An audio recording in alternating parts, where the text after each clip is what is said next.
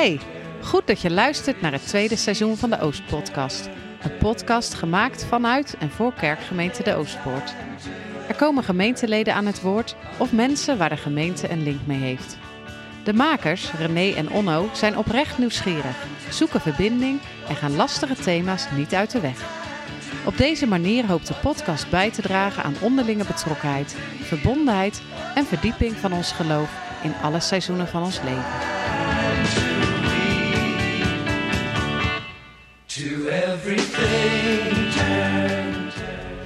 Hoewel onze kerk van onderaf georganiseerd is en lokale kerken en gemeenten hun beleid bepalen binnen de regels van de kerkorde, is er wel een dagelijks bestuur, het moderamen. Onze gast van vandaag is voorzitter van het moderamen van de Generale Synode van onze kerk. En we zijn te gast in het Landelijk Dienstencentrum te Utrecht. Met wie zitten we aan tafel? We zitten aan tafel met Marco Batenburg. Geen onbekende naam in het Goudse. We gaan in gesprek over zijn persoon, zijn functie, wat het met zich meebrengt en hoe het zich verhoudt met zijn rol als gemeentepredikant. En René, waar gaan we het nog meer over hebben? Vergaderbobo's. Slapen doe ik altijd wel. Drie bestuurslagen. Genade als ondertoon. En daar, daar word je echt theoloog. Kortom, Genoeg reden om een kopje koffie te zetten, een kopje thee, lekker op de bank te gaan zitten en te luisteren naar deze podcast. Veel luisterplezier. goedemiddag. Marco, goed dat je er bent. Dankjewel. Ehm, we hebben het niet, eh, eigenlijk niet van tevoren besproken. Toetwaaieren we? Ja, we toetwaaieren denk Klinkt ik. goed. Ja. Nou, dankjewel. Heel leuk dat we te gast mogen zijn hier in Utrecht, in het eh, Landelijk Dienstencentrum. Geweldig. Het is extra bijzonder dat jullie er mogen zijn, omdat bijna iedereen thuis werkt op dit moment. Ja. Welkom. ja. is bijzonder dat we een pasje kregen, ja. Ja. Ehm, vroeger eh, militair hospitaal. Ja, dat klopt, ja. Sinds hoe lang eh, van de kerk? Poeh, dat is een goede vraag. Dat weet ik niet eens uit mijn hoofd. Een jaar of twintig nu, denk ik. Oh, zo lang al. Ja. Ja. Heel mooi gebouw. Mooi gebouw. Ik heb een fotootje gemaakt. Die, ga, die gaan we erbij zetten. Ja, heel goed. Ja, leuk. Ehm, ehm, Marco, we hebben jou gevraagd eh, ehm, om eens met ons te praten, omdat jij ehm, voorzitter bent van eh, de, pre, eh, de, de bent van eh, de Generale Synode van onze kerk, maar je bent ook bekend als Goudse gemeentepredikant. Dus wat we, wat we graag willen is kennis maken, maar ook eens kijken van ehm, hoe zit nou die kerk in elkaar? Wat voor, ja, hoe is die organisatie? Wat, wat merken wij daarvan in onze kerk? Wat, wat wil je voor input van de kerk naar, naar jullie toe? Maar eerst maar eens kennis maken. Wat wil je weten? Ja, Eh, ik heb op jouw website eh, gezien dat je eh, geboren bent in Dordrecht in 1972, op school hebt gezeten in Papendrecht. Nou, een heel rijtje. Ehm, laten we maar eens kijken van hoe ben je ertoe gekomen om theologie te gaan studeren. Ja, mooie vraag. Ehm, misschien moet ik ermee beginnen dat ik altijd ehm, heel graag naar de kerk ben gegaan of zo. Ik, eh, veel mensen hebben natuurlijk in hun leven een fase dat eh, kerkgang ingewikkeld is. Of mensen eh, soms vragen krijgen bij het geloof. Of, of ja, uiteindelijk soms ook afhaken.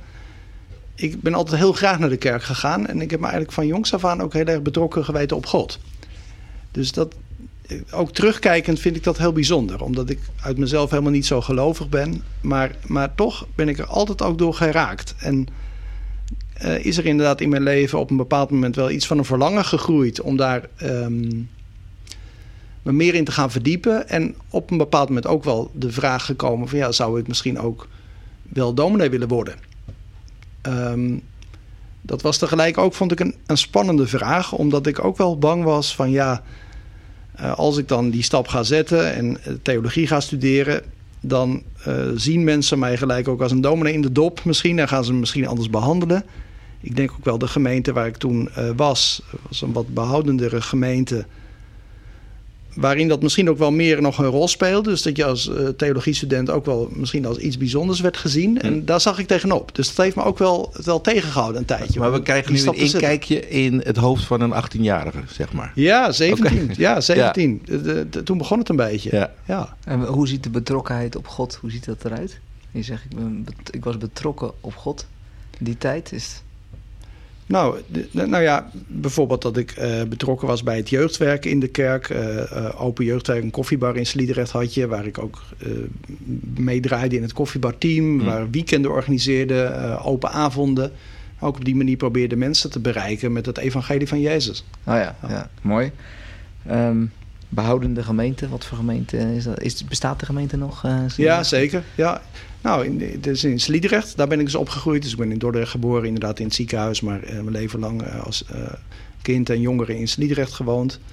Ehm, ja, je zou kunnen zeggen binnen het spectrum van de kerk... een gemeente wat aan de rechterkant, eh een gereformeerde bond. En daarbinnen dan nog weer wat aan de wat behoudende kant, zeg Ja. maar. Ja. Ja. Hey, en dan zeg je, dan, ga- dan ga ik de afweging maken... wel of niet theologie gaan studeren. Wat heeft de doorslag gegeven? Nou, ik, ik heb dus heel kort ook iets anders gestudeerd. Toen ik eh, mijn VWO had gehaald, heb ik een tijdje eh, wiskunde gestudeerd in Delft.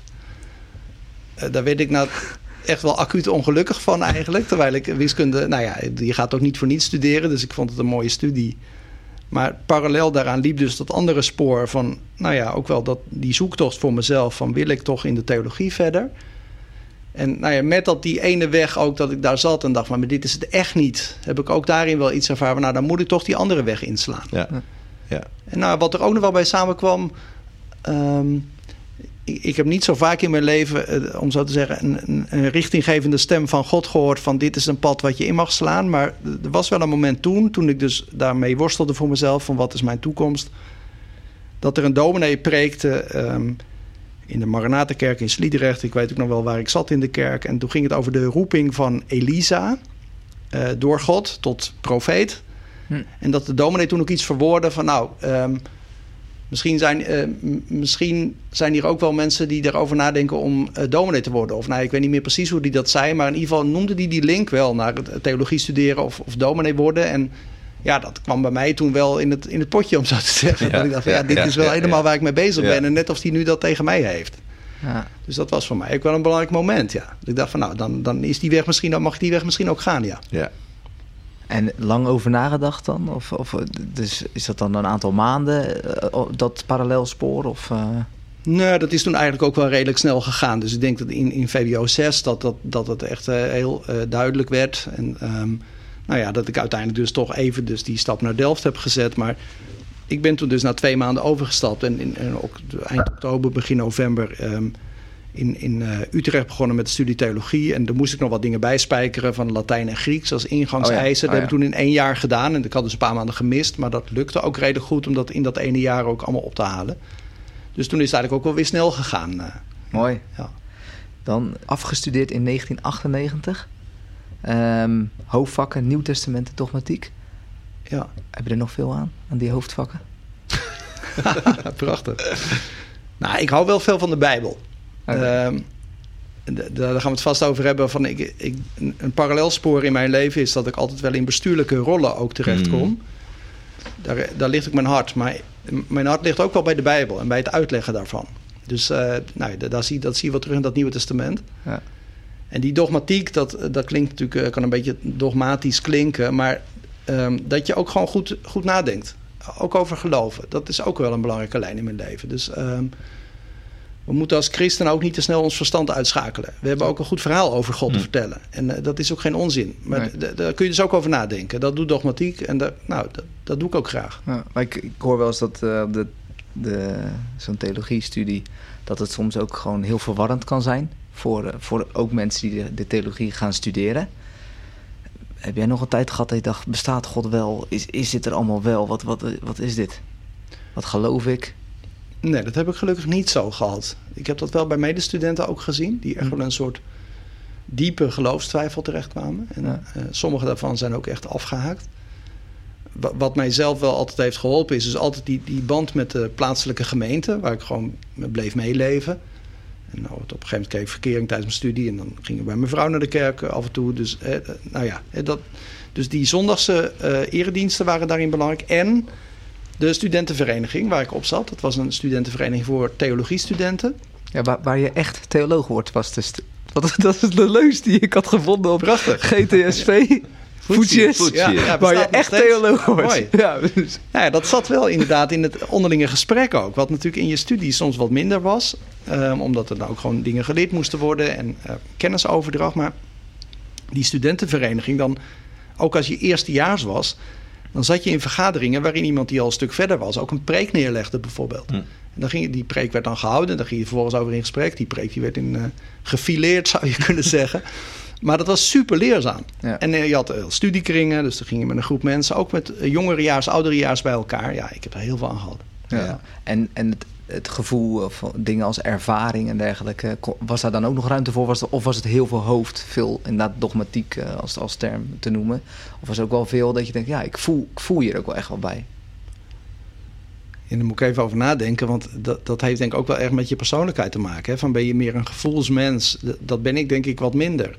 Maar ik kan ook wel, eh, ook als ik de liturgie meemaak of zo, kan ik daar wel helemaal door meegenomen worden. En in die zin ook is mijn gevoel daar helemaal bij betrokken. Ja. Maar al- en als je dan met, met die mannen aan het overleggen was, zo'n zo'n preek aan het fileren, kon, Ja. kon er dan nog gevoel bij komen? Was het wel vooral theologisch? Ja, dat was wel theologisch, ja. Ja, ja, dat, was wel, eh, dat zat wel op een rationeel niveau, dat klopt. Maar goed, dat vind ik ook niet, is niet verkeerd. Hè? Nee, nee, eh, eh, zonder, inderdaad- zonder oordeel van mijn Ja. kant hoor. Maar, Precies, eh, nee, ja. want je moet er ook gewoon een goed gesprek over kunnen voeren. En je moet mensen ook kunnen bevragen op, joh, dat heb je nou wel gezegd, maar Ja. leg eens uit. Hoe kom je daar eigenlijk bij?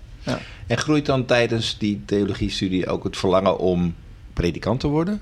Want je kan ook een andere weg inslaan Klopt, als theoloog. natuurlijk. Klopt, ja. Ik heb ook wel een tijdje over nagedacht nog. Van zou ik eventueel nog iets van promotiestudie willen doen. Maar eh, zeker tegen het einde van de studie ja, groeide bij mij wel dat verlangen inderdaad. Dat werd ook wel gevoed doordat je op een bepaald moment ook wat, wat stages gaat doen.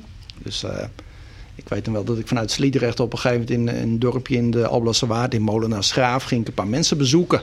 Dan ging je gewoon een pastoraal bezoek. En dan denk je opeens, joh, wat bijzonder dat die mensen zomaar een levensverhaal met jou delen. Terwijl je daar als broekie van, eh, van 20, 21, 22 jaar zit op, de- op de bank. Hè. Ehm, op een gegeven moment ga je voor in diensten. Ehm, ga je catechese geven. En ik weet nog wel wat voor mijzelf een heel belangrijk moment was. Is dat ik, ehm, ja, destijds heette dat je leervicariaat. Tegenwoordig is dat dan je derde jaar stage eh, gemeentepredikant, je, je masterdeel. Ehm, in mijn periode was het zo dat je drie maanden lang eh, dan naar een gemeente toe ging. En met een dominee meeliep, maar ook zelfstandig dingen deed. Nou, dat was bij mij in, eh, in Gorkum. Bij dominee Dick van der Linden. Nou ja, fantastische tijd gehad. En ik dacht ook van, toen ik zag van hoe hij dominee was, dacht ik, oh yes, dat wil ik ook. Een zekere ontspannenheid. Ehm, ja, ik heb er heel erg van genoten. Eh, ook ik- trouwens dingen gezien waarvan ik dacht van zo moet ik het niet doen. Oh, ja, Dat was ja, ja. heel warrig, zeg maar. Heel, het grappige is, daar, ik heb categorisatie van hem gehad. Oh, prachtig. Tijdens, volgens mij tijdens zijn leervicariaat bij Dominique Kiviet. Ja, dat klopt. Ja. Dat klopt. Ja, hij heeft ook Ja. een band met Gouda. Ja. Ja. En Ja, heeft hij een verschil gemaakt, bijvoorbeeld zo'n persoon, of, of welk, welke persoon, misschien meer een leukere vraag breed, eh, die verschil heeft gemaakt in je geloofsleven? Dus naast even het kiezen van de theologie of het, het worden van een predikant? Ehm, nou, in mijn geloofsleven kan ik dat niet zo zeggen. Ehm, dat is denk ik ook wel redelijk constant gebleven, om zo te zeggen, door de jaren. Eh, Kijk, wat ik wel aan hem merkte is dat ik dus vooral van hem leerde, ook in die, die leersituatie. Ja, zo zou ik predikant willen zijn, in die ontspannenheid. Maar ik vond dat hij ook heel goed kon preken, bijvoorbeeld. Dus, dus en, en hoe hij dat aanpakte, daar hadden we ook heel vaak gesprekken over. Dus vond ik ook leuk. Dus ik kwam daar bij hem binnen en we zaten eerst een uur te praten voordat we dan ergens op bezoek gingen, bijvoorbeeld. Ja. Ja, geweldig. Ja. Ja. En, en andere personen? Zijn er nog andere namen die nu te binnen schieten in die fase? Nou, wat, de, ehm, als ik denk aan mijn eigen oma bijvoorbeeld. De, de, dat was een hele eenvoudige vrouw. Ehm, wat ik van haar altijd bijzonder heb gevonden is dat, dat eh, zij kon moeilijk woorden geven aan haar geloof. Eh, dan werd ze heel snel emotioneel. Ja. Maar ja, dat was wel een gelovige, biddende vrouw. Zeg maar. Ik weet, die, die heeft ook veel voor mij gebeden. En daar denk ik met heel veel dankbaarheid aan terug. Ja. Ja, Mooi. Ja, absoluut. Hey, en dan word je predikant en dan kom je in Zalk. Ja, Eh, neem ons eens mee. heb je het even opgezocht? op de Ja, ik heb het. Nee. Ja, de kaart. Heb ik. ik, weet, ik weet nog iemand die daar vandaan komt. Maar, ja, ja, klopt, ja. Haar geest waart nog rond. Klazien. ja. Ja, wat goed. maar waar ligt Zalk? Ja, het ligt, het ligt tussen Zwolle en Kampen. Oh ja, ja. Een, een eh, heel klein plaatsje denk dat ik. klopt, ja, 700 inwoners.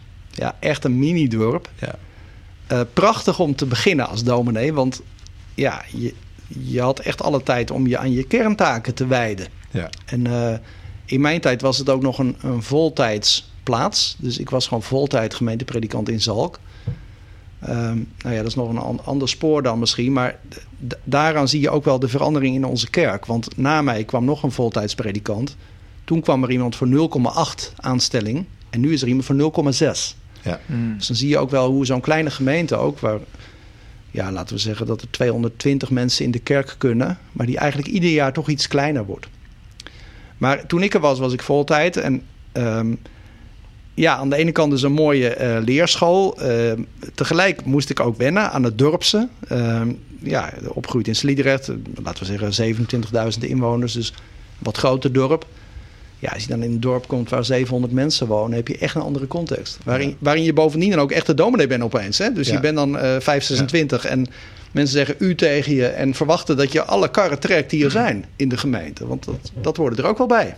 Als ik het niet deed, dan gebeurt het meestal Ja. ook niet. Maar ze zeggen altijd, je leert autorijden niet eh, als je je examen hebt, maar door daarna te gaan rijden. Is dat met dominee zijn ook zo? Ja, dat klopt. Ehm, de- als je het vergelijkt met een, een schaakspel, dan zou je kunnen zeggen van in, in je studie worden de stukken op het bord gezet. Maar om er echt mee te spelen, dat moet je ook echt eh, gaandeweg doen. Ja. Ehm, want ja, je doet alles voor het eerst. Hè? Een doopdienst, een huwelijksdienst, een avondmaalsdienst, ehm, een begrafenis. Ja, je hebt dat dan meegemaakt met je mentor. Je hebt, dat, eh, je hebt in de bank gezeten en je hebt het hem zien doen. Maar ga er zelf maar eens aan staan. Hè? En eh, hele ingrijpende pastorale situaties. Wat ik nooit zal vergeten is... ik was anderhalf jaar dominee, denk ik, of, twee jaar. En toen, toen pleegde een meisje eh, zelfmoord. Die was 18. Had ik ook gesproken vooraf. contact mee gehad. En, en toch gebeurde dat. En dan, dan sta je er opeens voor. Hè? Dan moet je zo'n begrafenis leiden. En dan, dan zijn daar die ouders... ehm, en, en allerlei vragen die dan in zo'n dorp ook leven, ook rond zo'n gebeurtenis. Ja, super ingrijpend. En ja, dan, dan opeens moet jij dat dan doen. Ja. En lig je daar wakker van? Of, of is dat iets wat je anders aanpakt? Nee, ik heb eigenlijk volgens mij nooit wakker gelegen van, eh, van mijn werk. Eh, toen ik dat een keer in alle oprechtheid vertelde aan een ambtsdrager, was hij daar een beetje boos over. Omdat hij vond dat ik daarmee misschien niet serieus nam. Nee, dus ik, ik lig daar niet wakker van, maar dat, dat, dat houdt me wel heel erg bezig. Ja. Ja, snap ik. En, en Ja. dan ben je ook dankbaar met collega's die je ook eens even kunt bellen. Daar heb ik in die eerste fase ook heel vaak gedaan. Dus ehm collega in Zwolle die daar toen was. Gewoon iemand die, die al tien jaar, twintig jaar dominee is. En die Ja, gewoon, joh, even een hoe doe je dat? Precies, even, ja. hoe doe je dat nou? En wat, eh, ik weet ook nog wel toen dat, dat eerste persoon die overleed, dat ik dat meemaakte. En die, die man lag eh, in het ziekenhuis, die was stervend. En ik, ik ging daar naartoe, maar ik dacht, ja, wat, moet ik daar nou bij, blijven zitten of zo? Die hele familie, moet ik dan naast dat bed blijven zitten tot hij is overleden of zo? Ik, ik wist dat gewoon allemaal niet zo goed Nee. eigenlijk. Nee, nu zou je even gauw een appje sturen naar een collega. Ja, precies. Nou ja, maar goed, toen belde Bellen, ik dus gewoon. ja, bellen. Zei, joh, eh, Ja. help me eens even. En Wat, wat doe je dan? Precies. Ja. Ja. Ja. En is dat principe dan nu, we gaan eh, even naar het, naar het heden, is dat iets wat je dan nu ook aan anderen nog doorgeeft? Nou, ik Bellen- Bellen ze jou, appen ze jou? Nou, ik heb wel een aantal eh, eh, studenten begeleid de afgelopen jaren... die dan in Gouda stage kwamen lopen. Oh, ja. En ik probeer altijd wel eh, contact te houden. Dus we af en toe koffie drinken. En eh, ja, sommigen die bellen dan inderdaad wel concreet. Ook met situatie vragen. van, ja, Precies. precies, ja, hoe ja. zou jij dat doen? Ja, Ja, ja, zeker. dat, dat vind ik ook mooi om dan weer iets te delen van wat Ja. je zelf hebt opgedaan. Ja. En merk je dan gaandeweg als je daar in Zalk rondloopt dat die jas van het predikantschap je steeds beter gaat passen? Ja, dat heb ik wel gemerkt. Hm. Ja. De, wat ik lastig ben blijven vinden is dat, eh, dat dorpse. Ik, dat, dat past mij denk ik wat minder. Zo'n kleine Ja. dorps... Kan, je dat iets, iets meer uitleggen wat dat ja, dan is? nou dat, dat Waddinxveen zit... is ook een dorp, toch? Of is Waddinxveen daar ben je Ja, dat is ook een dorp. Ja. Sliedrecht, eh, Ja. grote. Ja, precies. Oké. Nee, maar de, de- dat zat vooral dan in het feit dat mensen wel echt goed van je wisten eh, waar je was en wat je deed. Zeg maar. Dat werd echt wel, werd wel echt wel opgelet. Ja. Ehm, wat wij ook wel merkten was dat je eigenlijk geen niet goed vriendschappelijke contacten kon hebben in de gemeente. Omdat dat soms ook wel vrevel opriep bij mensen. Zo van ja, daar gaat hij dan vaker naartoe. Ja. Dat, dat hebben we dus eigenlijk ook niet gedaan. Omdat we wisten dat het zo werkte. Ja, dat vond ik wel lastig. De- Ja. Je zat iets meer in een soort verwachtingspatroon dat helemaal vast lag. En eh, ja, da- da- daar paste ik denk ik net niet helemaal in. In ieder geval, in die begintijd ging dat prima. Maar daar had ik, nou ja, na vijf jaar zijn we eh, weggegaan daar. En dat was ook goed. Ja. Wat, dat klinkt als meer als een eenzame plek dan. Ja, dat was het ook wel. Ja. Ja. Het, was, het, was, het is een prachtig dorp. Eh, het- ik weet nog, toen we er net woonden, was in- ik ben in juni bevestigd. En al de hele zomer, het idee dat we op vakantie waren daar. Prachtige zomer was het toen ook. Maar daarna werd het winter en was het kaal. Eh, het was een stil dorp. Er waren geen winkels. Er was één restaurantje nog.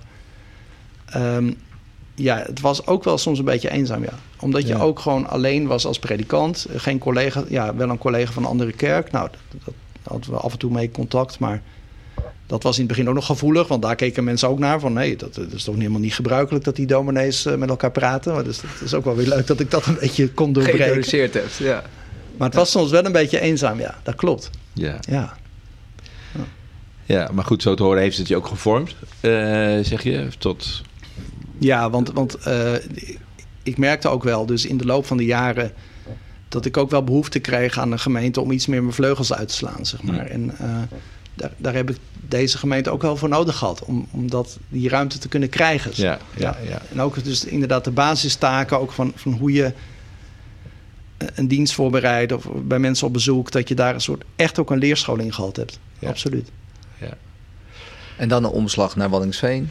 Ja, eh, wat inderdaad wel een vergelijkbare grootte met Sliedrecht. ja. Eh, dan neem je inderdaad je, je rugzak neem je mee. Moest je die nog een beetje aanpassen? Was er nog veel dat je denkt, oeh, dit is, even wat anders. Eh, ze kijken anders naar me. eh, ik heb ander overleg. Ja, wat een groot verschil was met, eh, met Zalk, was dat er in Waddingsveen meer kader was. Maar dat betekende dus ook dat mensen gewoon ook meer wilden meepraten over dingen. meer een mening hadden over sommige zaken. Maar ik vond het wel prettig. Ik, ik had ook het idee van ik kon ook op een soort op een gelijk niveau met mensen over thema's doorpraten. Kijk, wat, wat toen ik in Waddingsveen kwam, echt wel een verlangen was van de gemeente om ook van betekenis te zijn voor de, voor de wijk waarin de kerk stond. Eh, nou ja, de- de- dat is van meet af aan bij hen ook wel bij mij op het bord gelegd. Om zo te Hmm. zeggen, joh, daar willen we graag over nadenken. En kunnen we daar samen in groeien ook? Ja, dat vond ik wel mooi. Ja, mooi verlangen. Ja. Absoluut. En dat paste ook bij jou als, als, als, als predikant, maar ook als Ja. persoon. Ja. Ja, klopt. En wat ook samenkwam toen was dat ik in het bestuur van de IZB kwam. De Vereniging voor Zending in Nederland. Dat viel een beetje samen met mijn overgang van Zalk naar eh Waddingsveen.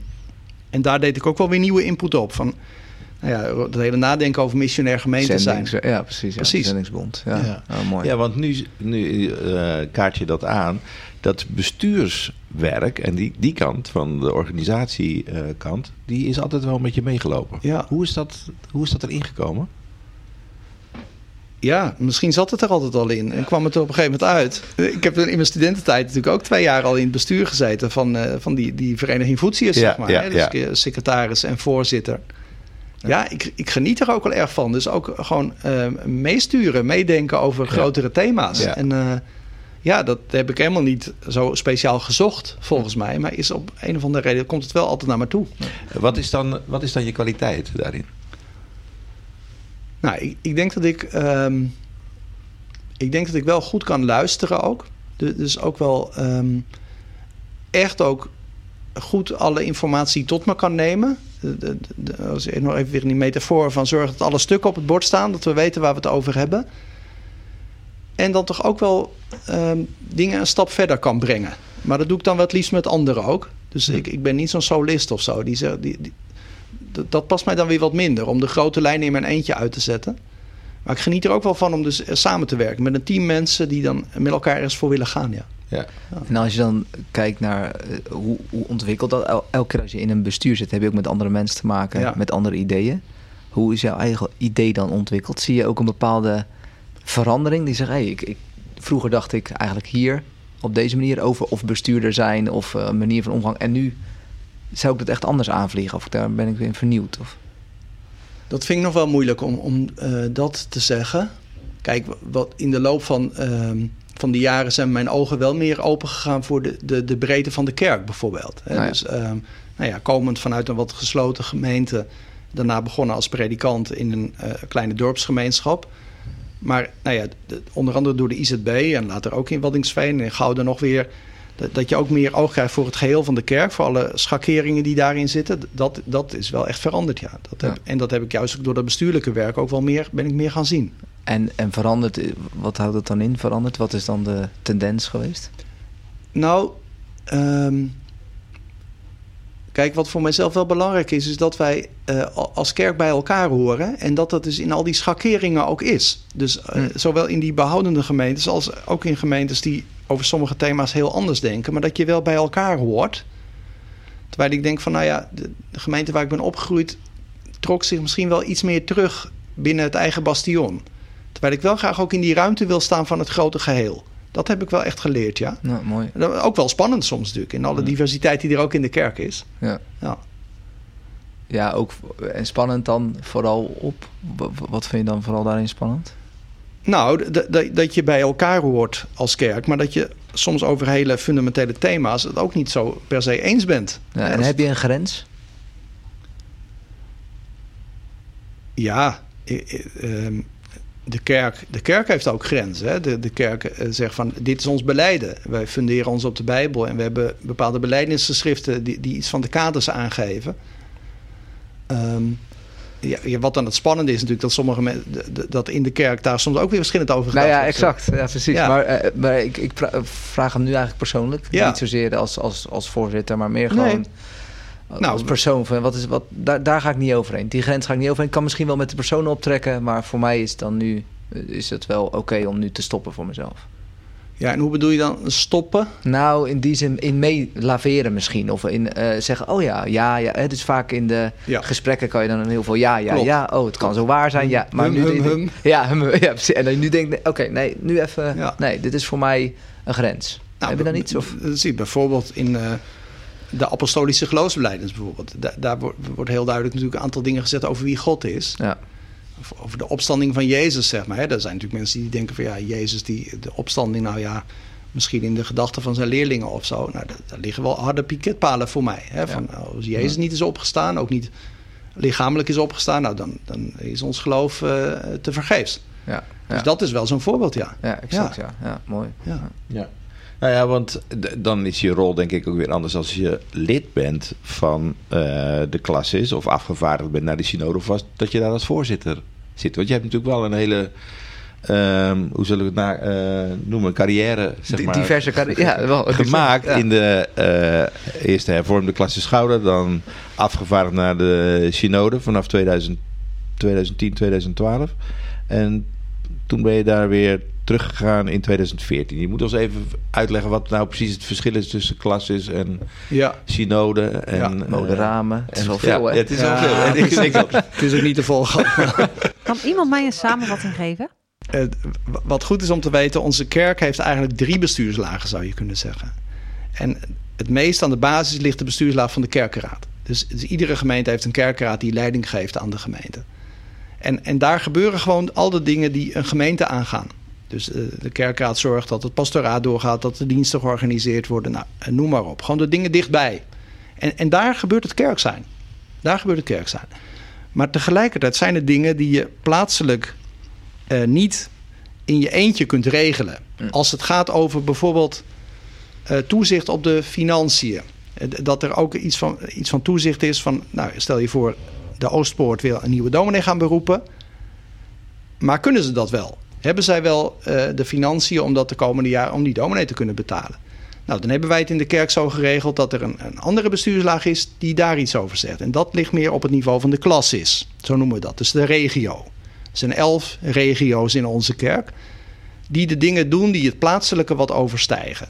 Dus als het gaat over financiën of over uh, toezicht op gemeenten. Uh, visitatie is zo'n woord, hè, dat, dat je soms ook huisbezoek krijgt. Iedere klasse heeft ook een klassispredikant.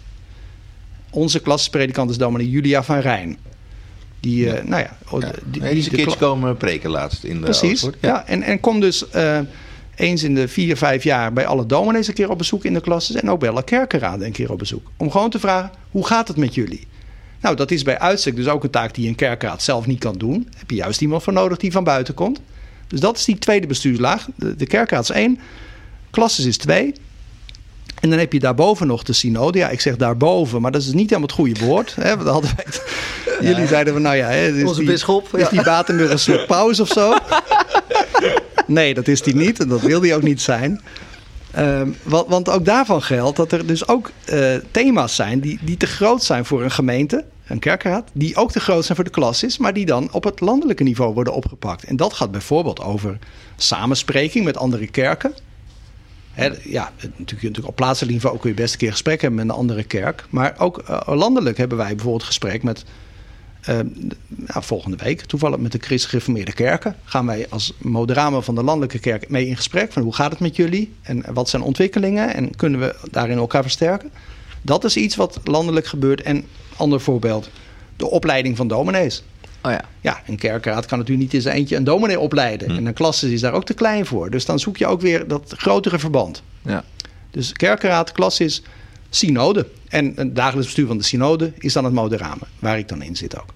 Ja. En hoeveel afgevaardigden hebben we in de synode? 62. Dus ieder, er zijn 11 klassees die allemaal vijf mensen afvaardigen. Dan zit je op 55. En dan heb je nog een paar kerken waarmee we een associatieovereenkomst hebben... die, die ook wat mensen afvaardigen. Ja. Hey, en toen jij uh, begon in, uh, in Zalk... 1999. Ehm, Had jij bedacht dat je ooit hier in Utrecht in het dienstencentrum zou zitten als voorzitter of prezes? Nee, nee. Dat, dat dus dat is een, een, iets wat groeit, zeg maar? Ja, sterker nog, van, um, al zou je het willen, zou het nog echt wel een hele tour zijn om hier terecht te komen. Omdat je als voorzitter, um, in ieder geval tot voor kort, inmiddels is de regel daarvan iets aangepast. Maar toen ik gekozen werd, als voorzitter moest je ook in de synode zitten. Dus dat betekent dat je een van die 62 moest zijn. En dan is het bij voorkeur ook nog een predikant. Dus dan van die 62 zijn er 20 dominees. Ja, dan krijg ik toch wel, dan klopt die associatie met uh, Vaticaan, klopt wel een beetje. ja, nou goed, ik ben wel getrouwd. De, dus, uh, de bisschop, uh, ja precies. Ja, ja, dat wilden we er wel inhouden. Ja, ja, ja. ja. Nee, maar um, dus je moet, uh, je moet vanuit je klassis, want dat is dan hoe het werkt. De klassis vaardigt mensen af naar de synode. Ja, en dan moet je daar dus al zitten. En dan moet er ook een vacature zijn voor voorzitter. Ja. ja. Nou ja, wat in mijn geval nog wel bijzonder was, is... Ik, ik had mijn vinger opgestoken om naar de synode te gaan... omdat het maar voor één keer zou zijn. Mijn voorganger, die, die was dominee, die ging naar een andere gemeente toe. Dus er was even een plekje in de synode. En dat zou maar voor een half jaar zijn, want daarna was die persoon aftredend. Dus ik, ik werd in juli, uh, juni uh, kwam ik in die synode terecht. Vervolgens ging mijn voorganger, voorzitter, die ging in september plotseling weg. En ja, toen kwam er opeens een nieuwe situatie waarin een nieuwe voorzitter nodig was. Uh, waarvan ik dan een van de kandidaten was. Dus en, ja, en, want dat lijkt dan weer dat, die rode draad van voorzitterschap. Maar hoe, hoe kan je na drie maanden jezelf zo neerzetten dat je gekozen wordt tot voorzitter? Ja, nou ja, ja neerzetten, ja. Um, nee, nee, je zal er niet over nagedacht hebben, maar hoe, hoe, ja, wat, hoe, hoe wordt het zichtbaar? Nou ja, er zijn toen mensen gevraagd om, om te reageren uh, vanuit de synode die daarvoor in aanmerking zouden kunnen komen. En ik ben toen ook gevraagd om te reageren. En dat had wel te maken met mijn cv, om zo te zeggen, met de dingen die ik tot dan toe al gedaan had. Ja, ja, oh ja. ja precies. Ja, Waarbij het dan ook wel de vraag is, ja, het is ook wel iets groots. Um, en dat, ik heb toen ook nog een assessment gedaan. Dat vond ik ook wel weer goed of zo. Dus oh, ja. we laten gewoon een aantal mensen ook een assessment doen. Om ook te kijken van hoe, hoe hoe makkelijk leer je ook nieuwe dingen ja. bijvoorbeeld. Hè? En kun je ja. nieuwe contexten inwerken. Dus dat was op zich voor mezelf wel fijn om te doen. Ja. We lazen uh, zeg maar, stukjes ook in de, in de pers twee jaar, van twee jaar geleden... dat het niet... Er werd wel kritisch naar gekeken. Uh, zeg maar, dat het weer een man was. Dat het een man was uit de behoudende hoek. Er zaten er al van in. Uh, nou ja, geen, dat geen soort, vrou, geen vrouw. Dus geen vrouw, dat soort thema's. Hoe hoe uh, raakt zoiets je persoonlijk ja. dan eigenlijk, als dat gezegd wordt? Nou, dat, dat is wel echt... Uh, daar moet je wel toe leren verhouden. Dat je opeens een soort toch publiek figuur wordt... Ja. waarover geschreven wordt. Ja. En je kunt dan... Ja, je kunt eigenlijk niks terugzeggen uh, tegen een krant. Dus dat, dat is apart. Ja, dat het over jou gaat. Ja. Um, ja. ja. wat ik wel jammer vond is dat het dan ook... Het wordt wel heel uh, klein gemaakt dan eigenlijk. Hè? Van, het is natuurlijk een feit. Van, hè, het moderamen toen ik kwam, bestaat, het moderamen bestaat uit vijf mensen, waarvan vier mannen en één vrouw. Dat ja. is natuurlijk niet een verhouding die je per se zou willen. Ik denk van zou iets meer uh, evenwicht in mogen zitten. Maar goed, ja, tegelijkertijd, ik, ik had mezelf niet gekozen, zeg maar. Dus het, het ligt eigenlijk bij de synode om daarin dan iets te veranderen. Ja, en En ten- zo, zo voelde het ook wel. Van ja, ik, ik kan hier eigenlijk niks aan doen. Je staat dus, het staat op schrift. Er wordt over je gedacht. En, en dan eh, bespreek je dat dan thuis. eh, ja, van joh, eh, dat Maar schijnt je ligt er nou... in ieder geval niet wakker van. Nou ja, liggen die dat is het voordeel. Hij heeft lekker geslapen. Maar... ja, absoluut. Nee, nou, ik toch, kan ja, het wel... lijkt me echt wel frustrerend. Want ik, ik, zie, ik zie dan ook wel weer zitten om wel te schreeuwen tegen die krant. Klopt niet. Nee, nee, nee, dat, nee ik, ik ben heel, heel rustig meestal. Ik kan het ook wel weer neerleggen. Want, want eh, ehm, je hebt ook verschillende kranten, zeg maar. En de ene krant die pikt vooral dat element eruit. Ehm, dus de andere kranten waren daarin ook wel weer evenwichtiger, vond ik zelf. En lieten ook wel meer iets zien van, nou ja, van dat mijn ervaring het misschien ook wel begrijpelijk maakte dat ik gekozen was. Ja, was, ja, ja, ja, precies, ja. Dus ja, dat, daar moet je dan ook maar mee leren omgaan. Van ja, ook een beetje een dikke huid ontwikkelen haast. Ja. Ja. het is zoals het is. Ja. We nemen dit gesprek op in eh, november, in eh, het einde van het jaar. Zeg maar twee jaar geleden zo'n beetje Ja. begonnen. Klein beetje valse start omdat corona snel eh, om de hoek kwam kijken. Hoe kijk je terug de eerste twee jaar? Maar corona heeft het wel gestempeld. Ja, want, want ehm, bij, die rol van voorzitter hoort ook wel voor een deel eh, het uitvoeren van representa- representatieve taken. Dat je her en der naartoe gaat om mensen toe te spreken of een, verhaal te houden. Ja, ik ben in november begonnen en vrij kort daarna in het nieuwe jaar begon corona en werd alles online. Dus dat is wel jammer. Ehm, al- als ik terugkijk ben ik tegelijk ook wel heel dankbaar voor wat ik wel heb kunnen doen. Dus ehm, ja, er lagen best ook uitdagingen, ook, ook binnen dat Moderama, het dagelijks bestuur. In eh, nou, iets van effectiever vergaderen. Ehm, ook, ook richting de synode, beter monitoren wat in het verleden is afgesproken. eh, daarmee verder gaan. Ja, da- daar heb ik ook wel dingen in mogen betekenen. Ja. De, die dingen echt kunnen oppakken. Ik, ik ben wel heel blij dat ik op deze plek mag zitten, ja. En dat heeft ook wel te maken met gewoon de samenwerking met de mensen in Moderama, waarvan de René de Reuven, die zullen de meesten wel kennen ook. Eh, de Scriba, eh, daar werk ik het meest nauw mee samen. Ook omdat eh, binnen dat Moderama zijn wij degene die een betaalde functie hebben, om zo te zeggen. Dus ook vrijgesteld zijn voor het werk. De andere mensen doen het naast hun gewone werk. En dat maakt dat rond veel thema's wij vaak ook als eerste schakelen. Ja. ja. Ehm, want want je, de, de verhouding eh, was 60-40. Daar gaan we het zo nog wel even eh, over hebben dat dat iets veranderd is. Ehm, hoe, hoe maak je dan die afweging? Oké, ik ga het doen. Ik schaal af eh, als gemeentepredikant in, in Gouda. Hoe hou je daarin je grenzen in de gaten? Het lijkt me heel ingewikkeld Ja. eigenlijk. Als predikanten, wij hebben laatst gesproken met domineeskinderen. En die zeiden allemaal, ja, onze vader zit eigenlijk altijd aan. Als de telefoon gaat, neemt hij hem op. Als de deurbel gaat, dan gaat hij hem open doen op de meest onmogelijke tijden. Hoe, Ik zie, ik zie een kleine glimlach. Ja, ja, hoe, hoe let Ja. je daarin op je grenzen? En, en weet je überhaupt waar ze liggen? Ja, ik heb die podcast ook geluisterd, ja. En eh, ik, ik herkende wel ook dingen die over de, de, de vaders werden verteld. Ja, dat, dat, is wel, ehm, dat is wel een uitdaging. En dat, dat heb ik ook niet altijd goed gedaan, denk ik. Ehm, ik- dat, dat domineeswerk is wel iets wat je helemaal eh leegzuigt ook. En ehm, Ja. omdat het ook heel dicht op je huis zit, om zo te zeggen. Je hebt ook een werkkamer in huis. Dus grenzen is wel een ding om daar, daar scherp in te zijn. Gelukkig ben ik eh, gewoon gezond en ben ik ook wel sterk, denk ik. Maar ehm, wat, wat in ieder geval de afgelopen jaren wel is gebleken, dat zo'n zo'n deeltijdaanstelling wel heel ingewikkeld is. Dus die 60-40 waar je het over hebt. Ja, dat, dat 40% was dan nog in Gouda. Nou, dat hadden we gewoon afgesproken met elkaar. Dat lukte wel redelijk om dat binnen die 40% te houden.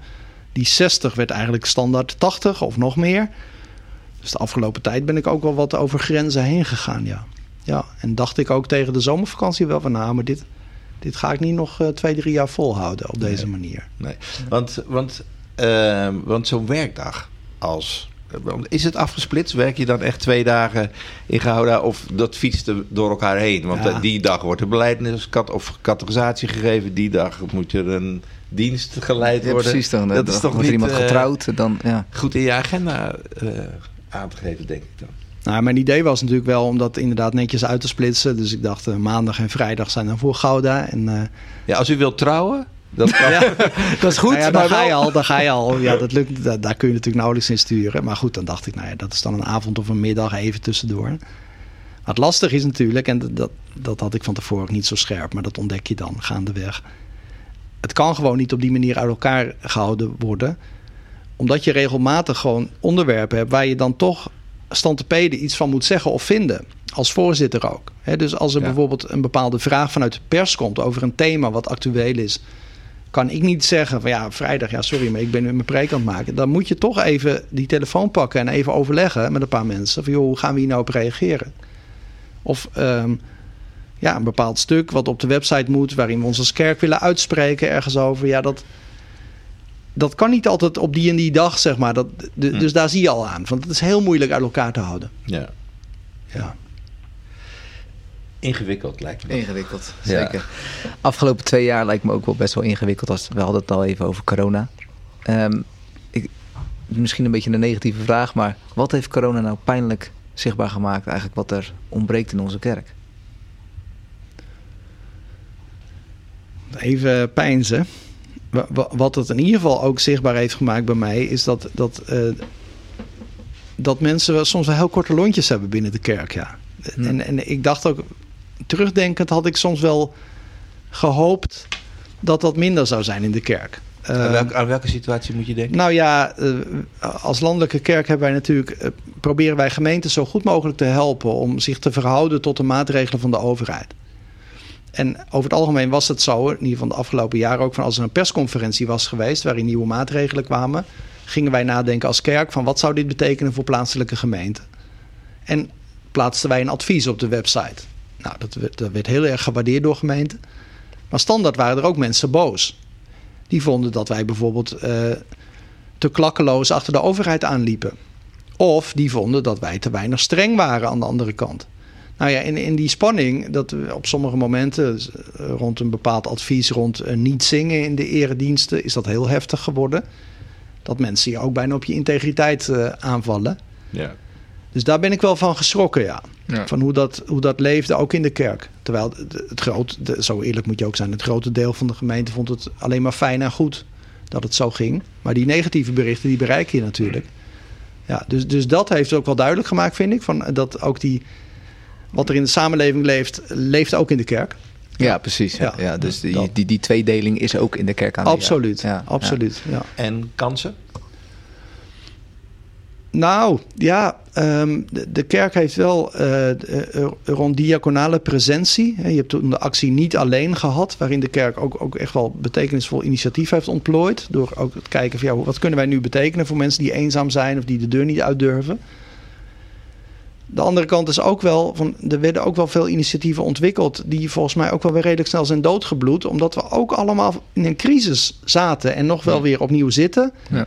En ja, dat vraagt ook gewoon allemaal energie van ons. En wij moeten allemaal ons ook daartoe verhouden. Dus Ja. ehm, Ja. ik zou ook niet al te snel zeggen, we hebben allemaal nieuwe initiatieven waar we op moeten inspringen. Nee, maar ik, ik zou ook wel iets zeggen over de veerkracht die kerken hebben. Nou. Eens. En, en ook natuurlijk wat, ehm, wat heel breed is opgepakt, dat we alle diensten zijn online gaan streamen, zeg maar. Hè? We hebben stappen gemaakt waar anders jaren over gedaan Precies, was. ja, zeker. Dus in veel gemeenten werd natuurlijk wel geluid uitgezonden, maar bijna overal nu ook beeld. En toch allemaal ook nagedacht van ja, maar wat laten we dan zien? En ja, moeten we dan ook niet meer verschillende standpunten werken van camera's? En, en wat, wat betekent het voor de, voor de prediking of voor de liturgie dat het uitgezonden wordt? Ja, daar zijn we grote stappen in gezet. Ja. Ja. En, en heb je ook nog een beetje jaloers gekeken naar clubs als EO Beam of een eh Mozaïek eh, die gewoon iets neerzetten?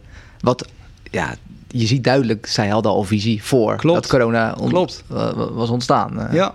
Nee, die hebben echt wel kwaliteit geleverd, denk ik. Ja. Ehm, ja, en, en, en ook wel een uitdaging, denk ik, voor gemeenten. Van, eh, ja, wat betekent dat nu weer, nu mensen wel weer naar de kerk kunnen? Want, want een deel van de mensen is ook wel wat vervreemd geraakt van de plaatselijke gemeente. Dat heb ik ook wel gemerkt, ja. Ja. Ja, dus, ja, dus precies dat is de uitdaging die daaraan eh, Ja. Precies. volgt. Ja, ja. Ja. En hoe gaan we, hoe gaan jullie, nee, hoe gaan we die aanpakken? Heb je, daar, heb je daar al ideeën over? Is daar over nagedacht de afgelopen periode?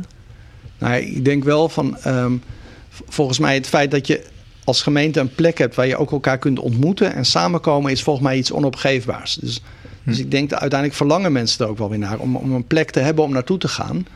Tegelijkertijd, ja, zit natuurlijk ook wel tu- tussen plaatselijke gemeenten en bijvoorbeeld Mozaïek kunnen ook wel echt inhoudelijke verschillen zitten. En moet je volgens mij als gemeente ook helpt het het beste om gewoon een duidelijk profiel te hebben. En zeggen van hier staan we voor. Dit, dit is hoe wij gemeente willen zijn. En ja, dan, dan is het op een bepaald moment ook van ja, welkom om met ons mee te vieren. En als je toch denkt van dit past mij niet helemaal, nou ja, dan, dan ben je ook nog dankbaar als gemeente dat het ook een andere plek is waar mensen terecht kunnen. Tegelijkertijd is het volgens mij wel heel belangrijk dat je ook gewoon je weer uitstrekt naar mensen. En mensen uitdaagt om, joh, kom weer terug. En uh, dat ligt volgens mij een taak voor het pastoraat in gemeente ook. Hè? Dat je ook laagdrempelige manieren zoekt om mensen weer terug te krijgen bij de gemeente. Ja. Ja. Maar zou het, uh, zou het helpen als, als iets dan ook verandert? Want ik bedoel, kom weer terug. Dan kom je eigenlijk terug in, het, in hoe het was. Misschien op anderhalve meter. Misschien wat minder dichter tegen elkaar. En je zal wat mensen missen soms. Maar hoeveel is er nou daadwerkelijk vernieuwd? Of, of zeg je van nee, dat, dat is gewoon te vroeg geweest. Dat, is, dat had te ad hoc geweest. Ja, ik, ik denk dat het. Um, dat bedoel ik niet flauw maar ik denk dat het aan iedere gemeente de vraag zal zijn: van, van vind je dat er iets vernieuwd moet worden? Of zeg je gewoon: ja, dit, dit is ook wie wij zijn. En zo doen wij de dingen. En, en misschien zijn het dingen die je geleerd hebt van corona. Maar misschien zeg je ook van nou, ook hoe we het voor corona deden, was ook gewoon goed. Dus daar gaan we ja. gewoon mee door. Ja, precies. Ja. ja. Dus dat lijkt me ook huiswerk voor ieder in zijn eigen situatie. Ja. Ja. Want, want hebben jullie nagedacht uh, uh, als, als Moderame hoe je naar buiten ging treden in die tijd? Want ik kan me herinneren dat, er, dat René de Reuver uh, bemoedigende filmpjes ja. op de website plaatste. Um, is, zit daar een soort strategie achter dan? Nou, dat, dat was eigenlijk wel iets wat ons een beetje toeviel. Omdat de, de evangelische omroep heeft zendtijd voor kerken ook speciaal. En die is gelabeld voor kerken. En, en wij kregen toen, om zo te zeggen, als protestantse kerk het podium... om op die zondagmorgen ook iets van een dienstje te laten zien. En daar, daar speelde René de Reuven een hele grote rol in. Dus die werd bijna ja, de televisiedominee van, uh, van Nederland. Ja. Uh, prachtig dat ja. dat podium er was. En ja. na, na een tijd kwam er weer een andere kerk aan de beurt. Nou vind ik sowieso wel dat, dat de kerk meer zichtbaar is geworden de afgelopen jaren. En meer zich uitspreekt over maatschappelijke thema's. Is daar, zit daar een visie achter? Ja, daar zit wel een visie achter. Het, het, um, je moet natuurlijk ook zo eerlijk zijn om te zeggen: het is ook uh, kwetsbaar, want als kerk ben je geen politieke partij. Hè? Dus um, je moet ook oppassen dat je obligaat allerlei dingen gaat roepen, waarvan een ander zegt: ja, dat kun je wel roepen, maar dat is helemaal niet uitvoerbaar of zo. Of, uh, dus dat je in een soort politiek spanningsveld terechtkomt. En tegelijkertijd is het inderdaad wel een principieel punt. Van als kerk um, sta je ook wel midden in deze samenleving. En heb je ook wel een woord voor de wereld, zou ik zeggen. Dus is het ook wel bewust dat wij zeggen: aan de ene kant is het heel belangrijk dat wij het geloof voeden. Dat is om zo te zeggen de binnenkant van het geloof, de, de zondagse eredienst, de liturgie. Maar tegelijkertijd staan we ook midden in deze wereld. En uh, nou ja, proberen we daar soms ook woorden aan te geven. Ja. ja. Waarbij je dan ook altijd wel weer de spanning ziet van ja, als je dat dan weer doet, dan zeggen andere mensen: oh, maar wacht eens even, jullie zijn als kerk toch niet alleen van het milieu of zo. Of, of eh, dat is ook terecht. Ja. Dus je moet eigenlijk proberen die twee kanten ja. bij elkaar te houden. Van de inhoudelijke verbondenheid met God en de woorden van God. Maar wat betekent dat tegelijkertijd voor je leven hier en nu? Ja. Nou, je, je, noemt inderdaad het inhoudelijke gedeelte ook even, even intern. Wij hebben een gesprek gehad met Ronelle Zonneberg. Die had het heel erg over intergenerationeel kerk zijn. Dus de, de generaties uh, onderling met elkaar uh, meer laten optrekken. Hebben jullie ideeën vanuit de synode of misschien in gesprek met landelijk gezien over hoe je dat in de normale dienst, hoe je dat zou kunnen, meer zou kunnen integreren? Want je ziet dat even, even los van het koffiemoment, hè, dus even koffie achteraf. Hoe zou dat meer intergenerationeel kunnen? Ja, goede vraag. Um, Kijk, vanuit de synode is het dan zo, maar even, even vanuit mijn rol gedacht als, als voorzitter van de synode, is het zo dat de, de synode heeft bepaalde hoofdlijnen vastgesteld voor beleid voor de komende jaren, waarvan wij zeggen dit is goed voor de kerk. En een van die woorden is dan toekomstgericht kerk zijn. Er zijn hm. veel gemeenten waar krimpen is, waar mensen soms ook echt niet meer weten hoe het moet, waar de jongere generatie wordt gemist. Nou, de synode zet de hoofdlijnen neer. Vervolgens hebben wij een dienstenorganisatie je zou in termen van het Rijk kunnen zeggen, want dat zijn het ambtelijk apparaat is dat. ja. En die gaan de dingen uitwerken. Ja. Dus we hebben uh, Jong Protestant, voorheen heette dat Job. Uh, nou, je hebt natuurlijk ook de HGB, dat is, die staan wat op zichzelf, maar die zijn ook met deze dingen bezig. Die dan zulke grote beleidslijnen ook gaan uitwerken. Ja. En, en die ook beschikbaar zijn. Dus een plaatselijke. Dus stel je voor dat de Oostpoort of Sint-Jan zegt van joh. Daar willen wij nou echt over in gesprek. Want dat lukt ons niet. Om die jonge generatie op een goede manier te betrekken in een dienst bijvoorbeeld. Ja. Nou, dan kun je dus naar Utrecht toe contact zoeken. En zeggen, joh, loop eens een poosje met ons op. Jullie, jullie hebben daar ex- experts voor in huis. Help ons. ja, mooi. Ja, Ja. Ja. Dus er is wel degelijk ruimte om Absoluut. ook die kennis naar om je zo, toe te op halen. zo'n thema, maar ook op missionair gemeente zijn. Of op diaconaal gemeente zijn. Of op, eh, Als het gaat over zendingsbewustzijn met Kerk in Actie. Er zijn allerlei experts hier in Utrecht in huis... die, ja, die- die, die juist ook beschikbaar zijn voor plaatselijke gemeenten. Ja, precies. Ja. Ja, mooi. En jij zit daar in, in het Motorama, dat is toch meer een beleidsclub. en je hebt het ook over je geloof levend houden. Hoe doe je dat? Want eh, je loopt misschien wel het risico om te veel in een soort zakelijke format te schieten. Ja. Ja, dat, dat, dat is denk ik altijd een risico als je in een bestuurlijk orgaan zit. Nou, tegelijkertijd binnen het Moderame ehm, ja, proberen we ook iedere vergadering die we met elkaar hebben... ook gewoon altijd met, met een bijbelezing te beginnen en een, een woord van overdenking. Dus dat, ook niet omdat het zo hoort, maar omdat dat ook echt onze bron is. In synodevergaderingen doen we dat ook. Altijd inhoudelijk thema ook. En ja, ik ben zelf ook heel dankbaar dat ik gewoon ook gemeentedominee nog ben. Ja. Zij het dan voor een klein stukje. Maar ik, ik ga gewoon voor ook in diensten. Ja. En ik ben ook heel blij voor die verbondenheid. Want dat voorkomt ook dat je een soort eh vergaderbobo wordt. maar dat, je- ja, dat, je, dat je echt ook zelf gevoed blijft worden. Ja. Worden ja, dat, die plaatselijke gemeente, wat ik net zei, daar klopt ook het hart. Ja, D- Daar gebeurt het. ja. Ja.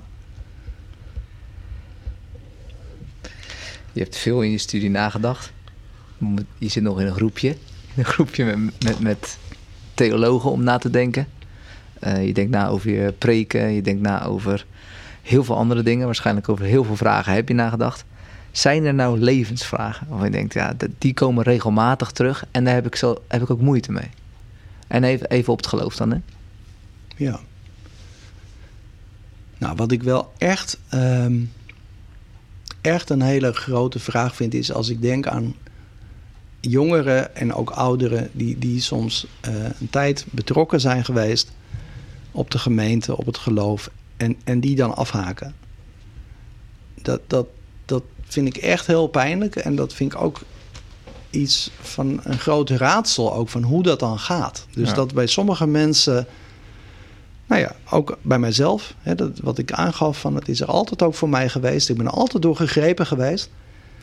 En bij anderen, soms ook zie je dat ze gegrepen worden, dat ze beleidenis doen. En een jaar later kom je ze nergens meer tegen. Hm. En eh, ik heb ook een tijdje geleden nog een keer een gesprek gehad met iemand die zei: joh, ik heb dat eh, seizoen gevolgd en ik geloof er gewoon niks meer van. Nee. En, En- dat vind ik echt een, een heel groot raadsel ook. En ook echt heel pijnlijk, ja. Ja. een, een, een, een theologisch. Als je dat dan eh, zegt van ja, ik had er bepaalde theologie over. Of dit, ik, had, ik heb hierover geleerd. Want je, je ziet bepaalde stromingen die zeggen... dan, ja, nee, maar als je eenmaal tot geloof bent gekomen, dan dit. Of als je... Hè, dus er zijn ook, ook daar theologisch best wel wat discussies over. Hoe, hoe, is dat dan ook iets wat, wat daar meeweegt? Of zeggen nee, dit is echt voor mij persoonlijk. Vind ik gewoon echt heel uitdagend. Ehm, nou, de, theologisch onderstreept het voor mij... eh dit is niet inderdaad een, een nieuw inzicht... maar een onderstreping van het feit dat we het ook echt van God moeten ontvangen. Dat het ook echt eh, zijn werk is in ons leven... als we erbij blijven, om zo te zeggen. Hm.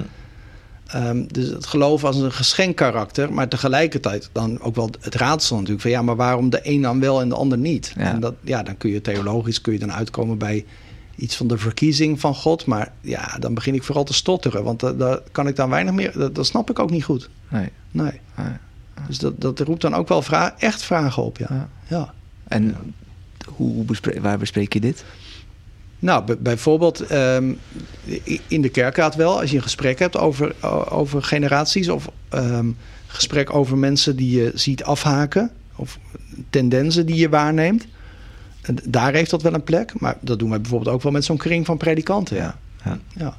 Omdat Ja. sommigen dat bijvoorbeeld ook in hun gezin meemaken. Hè? Dat kan natuurlijk ook. Dat je je eigen kinderen ook eh, ziet afhaken. Ja. Heb je er zelf angst voor dat het jou zou gebeuren?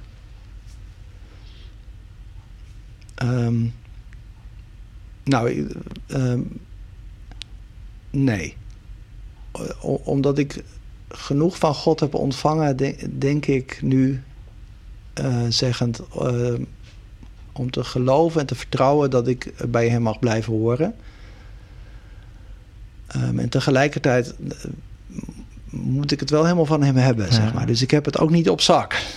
Dat is mooi. Heb jij dat Mooi. stukje geschreven? Genade als grondtoon, toch? Dat stond in het visie, Ja, visienoot. want Ja. dat- daar moet ik opeens aan denken. ja nu. dat is het wel, ja. ja, Ja. Dus eh, dat is wel waar we van moeten leven. Ook, ook de kerk als geheel. Ja. Die, die visienota is door heel veel mensen ook besproken en eh geamendeerd, om zo te zeggen. maar ik vind het prachtig. Geamendeerd. Ja, dat zijn ook de Nee, Matthijs van sorry. Nieuwkerk Dat is uitachtige een uitspraken. zijn dat. Nee, maar het is wel prachtig dat dat in die visienota ter genade als grondtoon Ik is. vond het heel mooi. Ja. Schitterend, ja. Ja. En dat is toch echt waar we het als kerk van moeten hebben. Ja. Ja. Ja. Ja, We hebben het nu al over levend geloof.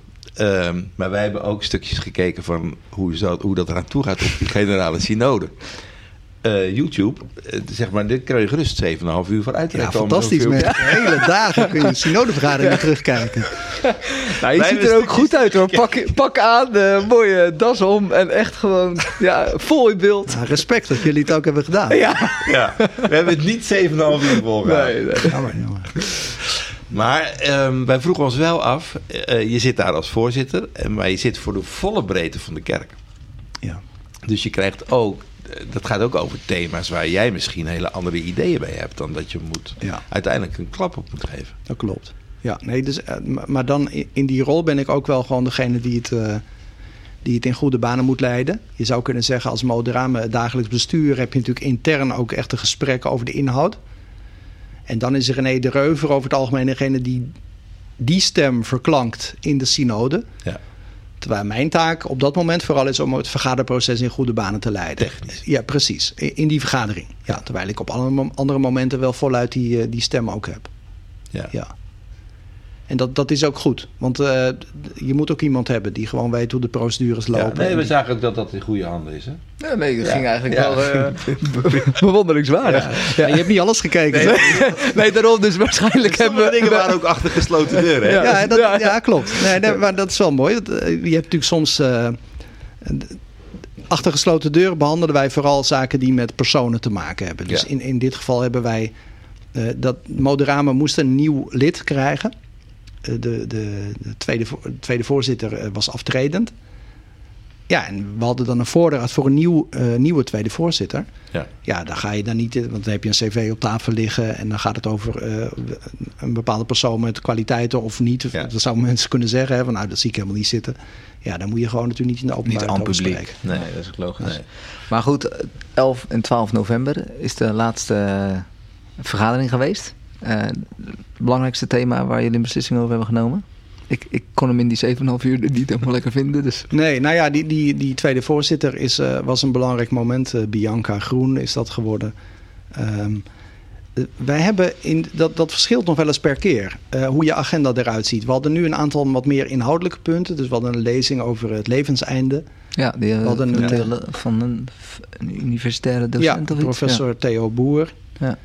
Ehm, we hadden een aantal punten, dat was vrijdagmiddag, eh, over eh, kerkorde. Eh, ja, dat is ook zo'n punt waar Ja. die synode over gaat. Hè? De, regels meeste van de kerk. bedrijven hebben een borrel op vrijdagmiddag. Ja, nee.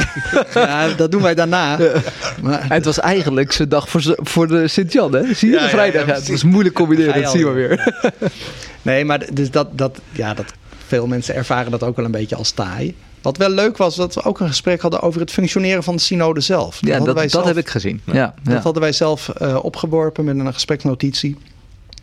Omdat wij soms wel iets van een discrepantie merken... of dat mensen dat ervaren tussen dat moderame dagelijks bestuur en de synode. Zeggen van ja, eh, komen we niet soms tegenover elkaar te staan... Dan kun je ook wel voorstellen dat het gebeurt... als je als dagelijks bestuur heel goed bent ingevoerd in thema's... en de synodeleden zien elkaar twee of drie keer per jaar... Hm. Maar goed, dat willen wij natuurlijk niet. Hè? Wij willen ons echt dienstbaar opstellen. Nou, daar hebben we een gesprek over gehad bijvoorbeeld. Ja. Uh, hoe kunnen we mensen meer meenemen in grote bewegingen? Dus nou ja, dat was een thema waar we het over hadden, ja. Ja. En als je het over zo'n thema als uh, levenseinde, dat kwam daar toen toevallig ook uh, voorbij. Dat lijkt me ook wel echt wel pittige thema's om die te bespreken binnen een synode. Ja, dat, dat is zo. Um, tegelijkertijd is er ook wel weer bewust gekozen om, om mensen ook toe te rusten. En ook wel vanuit het verlangen dat mensen dat ook weer meenemen naar de plaatselijke gemeente. Ja. En dit is natuurlijk ook wel echt een thema wat in onze samenleving heel erg in beweging is. Ja. ja, dit vind ik wel mooi dat je het zegt. Want de, de, het gaat natuurlijk om die wisselwerking plaatselijke gemeente uh, en, het, uh, en het bestuur. En het bestuur, ja, de synode. Ja. Vind je dat, dat, dat, dat wij daar ook nog iets in kunnen doen als gemeente? Nou, ik, ik merk wel dat uh, die afstand wel groot is. Um, dat, dat zie ik ook in de Sint-Jan. Ik bedoel, ja, mensen weten dan dat ik dat doe, maar dat, dat, blijft natuurlijk toch wat ver van je bed. En ik snap het ook. En ik vind het misschien ook niet eens zo heel erg. Want om we zijn gewoon met verschillende dingen bezig. Ja. En de dingen die je landelijk regelt staan vaak ook wat verder af van dat plaatselijke gemeentewerk. Ik zou het wel fijn vinden als in onze kerk wat besef zou zijn van ja, wij hebben al die bestuurslagen ook wel nodig. En het gevaar is denk ik wel een beetje in onze tijd dat we toch heel erg gefocust zijn op onze eigen gemeente. En dan haast te vergeten dat wij het ook niet allemaal alleen kunnen. Dus dat je ook die andere gemeenten om je heen nodig hebt om zicht te krijgen op het geheel van de kerk.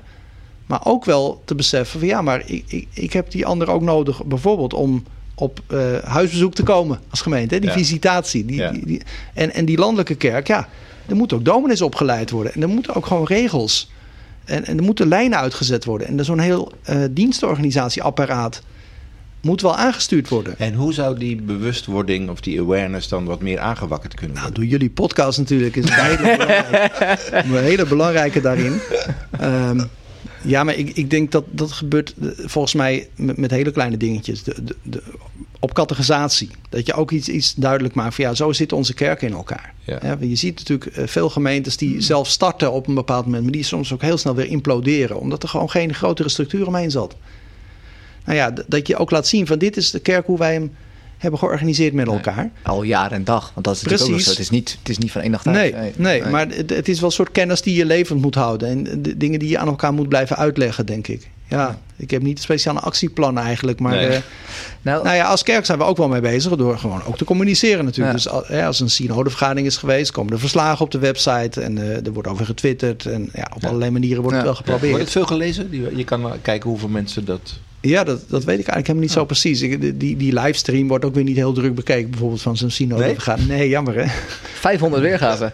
okay, ik heb even gecheckt. Oh, uh, ja. uh, in het, in het uh, filmpje voor de visie. Ehm, jij weet het altijd zo goed, Onno. Dat is een beetje, Ja, doe eventjes de, het, het jaarthema.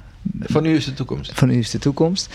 In dat filmpje, dat, daar werd ook de vraag eigenlijk... nee, wordt eigenlijk genoemd we streven naar een nieuwe cultuur. Streven naar een nieuwe cultuur. Wat is dat? Zo, dat is een goede vraag. Dat werd in een filmpje genoemd. Uh, nou ja, goed, laten we dan eventjes niet inzoomen op wat het precies de inhoudelijke uh, bedoeling was van dat filmpje. Maar als je nou, nadenkt over cultuur, waar, waar, zou je dan aan kunnen denken? Nou, ik denk dus, en dat zit ook echt in die visienota, dat die hele context is wel die, die context van teruggang in onze kerk. Um, ik, ik, ik, sprak tijdens de synodevergadering gewoon onder de koffie en tijdens het eten drie of vier mensen die allemaal datzelfde verhaal vertellen. Die gewoon uit een context komen waarvan ze zeggen: Nou, het lukt ons bijna niet om de kerkraad op kracht te krijgen. Jongeren zien wij afhaken. De gemeente wordt kleiner. Kunnen wij een predikant blijven betalen voor de formatie die we nu hebben? Moeten we verder terug? Dat soort verhalen zijn in onze kerk best heel groot. En ik denk, als je inderdaad gemeentelid bent in Gouda, kun je daar nog redelijk makkelijk je ogen voor sluiten. Maar dat is wel de situatie van onze kerk. Nou, die visienota die wil eigenlijk gemeenten die in zulke situaties zitten, een situatie van krimp, toch eigenlijk ook weer een nieuw perspectief geven. En zeggen, ja, maar pas nou ook op dat je je zo laat verkrampen eigenlijk door de krimp. je ziet alles teruggaan dat je eigenlijk vergeet, ja, kunnen wij in onze context misschien toch weer op een nieuwe manier, gedreven door het evangelie, om ons heen kijken in ons dorp, in onze stad, ja. en van betekenis zijn. En ik denk dat dat, wat jij nu aanraakt van nieuwe cultuur, nou ja, toch ten diepste vanuit onze gedrevenheid door het evangelie van Jezus Christus, wat wij ontvangen van Hem uit genade, dat wij iets prachtigs hebben ontvangen, ja, dat we daar ook midden in deze wereld mee mogen staan. In ons dorp, in onze stad. Ja. Mooi. Ja, dat is mooi. Het is een heel uitnodigend uh, stuk. Dat is het, ja. Ja, ja, ja precies, ja. Um, ik denk dat we gaan, moeten gaan naar een afronding. Maar ja, ik heb altijd wel een paar, zeker aan een dominee, ook altijd toch wel een paar vragen waarvan ik denk, ja, dat is toch geinig om te weten. Afgelopen zondag gaf eh, onze Gerben Roest, die gaf eh, te kennen aan een van de kinderen dat hij eh, graag gamede. dus hij deed ook iets van een game spelen, iets met Lego, weet ik wat niet, Playstation, FIFA. Ja. Hartstikke leuk. Dat zijn toch de leuke feitjes. Eh, dus ik dacht, ehm, Ik zit op het puntje van mijn stoel. Eh, tv-programma, eentje waar echt wat denk, ja, dat vind ik Nee, gaaf. het tv-programma. ehm, oh, even tot hier vind ik erg leuk. Die kijken we meestal wel samen. En verder, eh, mijn vrouw en ik houden wel van eh, Zweedse of eh, Noorse detectives eh, Oh ja. series. Maar of Ja. op Netflix dan. Netflix, ja. Dus The Killing en The Bridge. en Ja, die- precies. Ze zijn wel eh, gewelddadig vaak. Ja, dat klopt. Ja. Ja. Ja, Ja, maar- een bepaald beeld dan ja, gelijk. ze worden altijd opgelost. Hè? Dus, Dat is waar. En, en de, meest, de nieuwste, ik heb pas gehoord dat er, een, dat er inderdaad weer eentje eh, op Netflix is terechtgekomen die, die de, de status van The Killing and The Bridge heeft gekregen. hè? Ja? Iets met een F, maar ik weet even die naam niet. Maar Oh. goed, ga nog eens opzoeken. Ik Ja. geef hem Ja, straks als tip mee. Of, of weet je het al? Nee, ik zit nee. Oké, ik heb ook wel een vraag. Oh, leuk. leuk. Welk boek er op je, op je nachtkastje ligt? Op mijn nachtkastje ligt... eh, ik ga altijd snel slapen. Ja. Ehm, ja, je slaapt goed. Alleen de, alleen de dagteksten liggen daar van de hernutters. Zo- Zo'n klein boekje wat ieder jaar uitkomt met iedere dag eh, twee bijbelteksten. Oh, ja. Oud-testamentische en Nieuw-testamentische. Dus dat ligt op mijn nachtkastje. Ja. Naast je leesstoel dan? Welk, welk, ben je een roman aan het lezen op dit moment? Ehm, nee, en dat... dat Zou dat niet eens moeten dan? Ja, zeker. En ik heb een hele stapel liggen, moet ik zeggen. Maar het schiet er gewoon bij in. Dus dat... eh, nee, ik, eh, sorry, ik vergeet het. Ik, ik ben wel iets aan het lezen, maar dan kun je zien hoe, hoe intensief ik dat lees. Eh, het Zoutpad heet die volgens mij. Oh, die twee mensen die aan het wandelen zijn. Ja, in, eh, prachtig. De kust van Zuid-Engeland. Precies, precies. In dat Ja. tentje slapen ze dan absoluut. achter de duin. eigenlijk een hele, ook de verandering die gebeurt tijdens het wandelen. Schitterend Prachtig boek. Ja. Ja, uitlezen. Nee, dat gaat absoluut. Ik lees gewoon verder, maar het gaat gewoon niet zo snel. Ja. Zij lopen ook niet Mag, heel snel. mag ik afronden nog even tussendoor voordat jij hem al helemaal gaat, alle, alle eh, leuke dingen Ik zet, dat je nog alle een game spoilers en, eh, nee, nee, nog eh, de game. ook- mag ik, ook- nee, de game ga ik niet doen. Ah, jammer. Eh, je mag wel vertellen, doe je gamen? PlayStation? is die in huis ik hou aanwezig? van schaken. En dat doe ik online ook eh, met, tegen mensen over de hele wereld. Oh, wat leuk. Oké, En, en Clash of Clans, dat eh, speel ik ook graag. Dat is ook dat een, eh, zeg maar niks. nee. Schaken zeg maar meer, maar dat niet digitaal. Eh, eh, laatste vraag. Ehm, welk onderdeel van dominee zijn is niet leuk? Nou, er, er- er is heel veel leuk. Ehm, dingen die ik iets minder leuk vind. eh, misschien het kerkblad schrijven, ja. Dat voelt soms een beetje als corvée. Oh ja, Maar goed, eh, dat hoort er ook bij. hoort erbij. Ja. Ja. Bedankt voor je tijd, eh, Marco. Ja, dank jullie wel. Ja. Mooi om bij jullie te gast te zijn. Heel leuk om bij jou te gast te zijn in, Utrecht. Volgende keer hebben we een, af- een aflevering met. Jij moet er nog. Ik, ik zie jou een beetje vertwijfeld kijken. Het- Volgens mij is het met eh, Melanie en Hielko. Oh, met Melanie en Hielko. Z- zegt, zegt overigens jullie nog helemaal niks. Nee. Gaan we ook nog Nee. niet over uitweiden. Misschien maar heb je al naast ze gezeten in de kerk. mogelijk tegenover. Whatever. Eh, volgende keer. Leuk.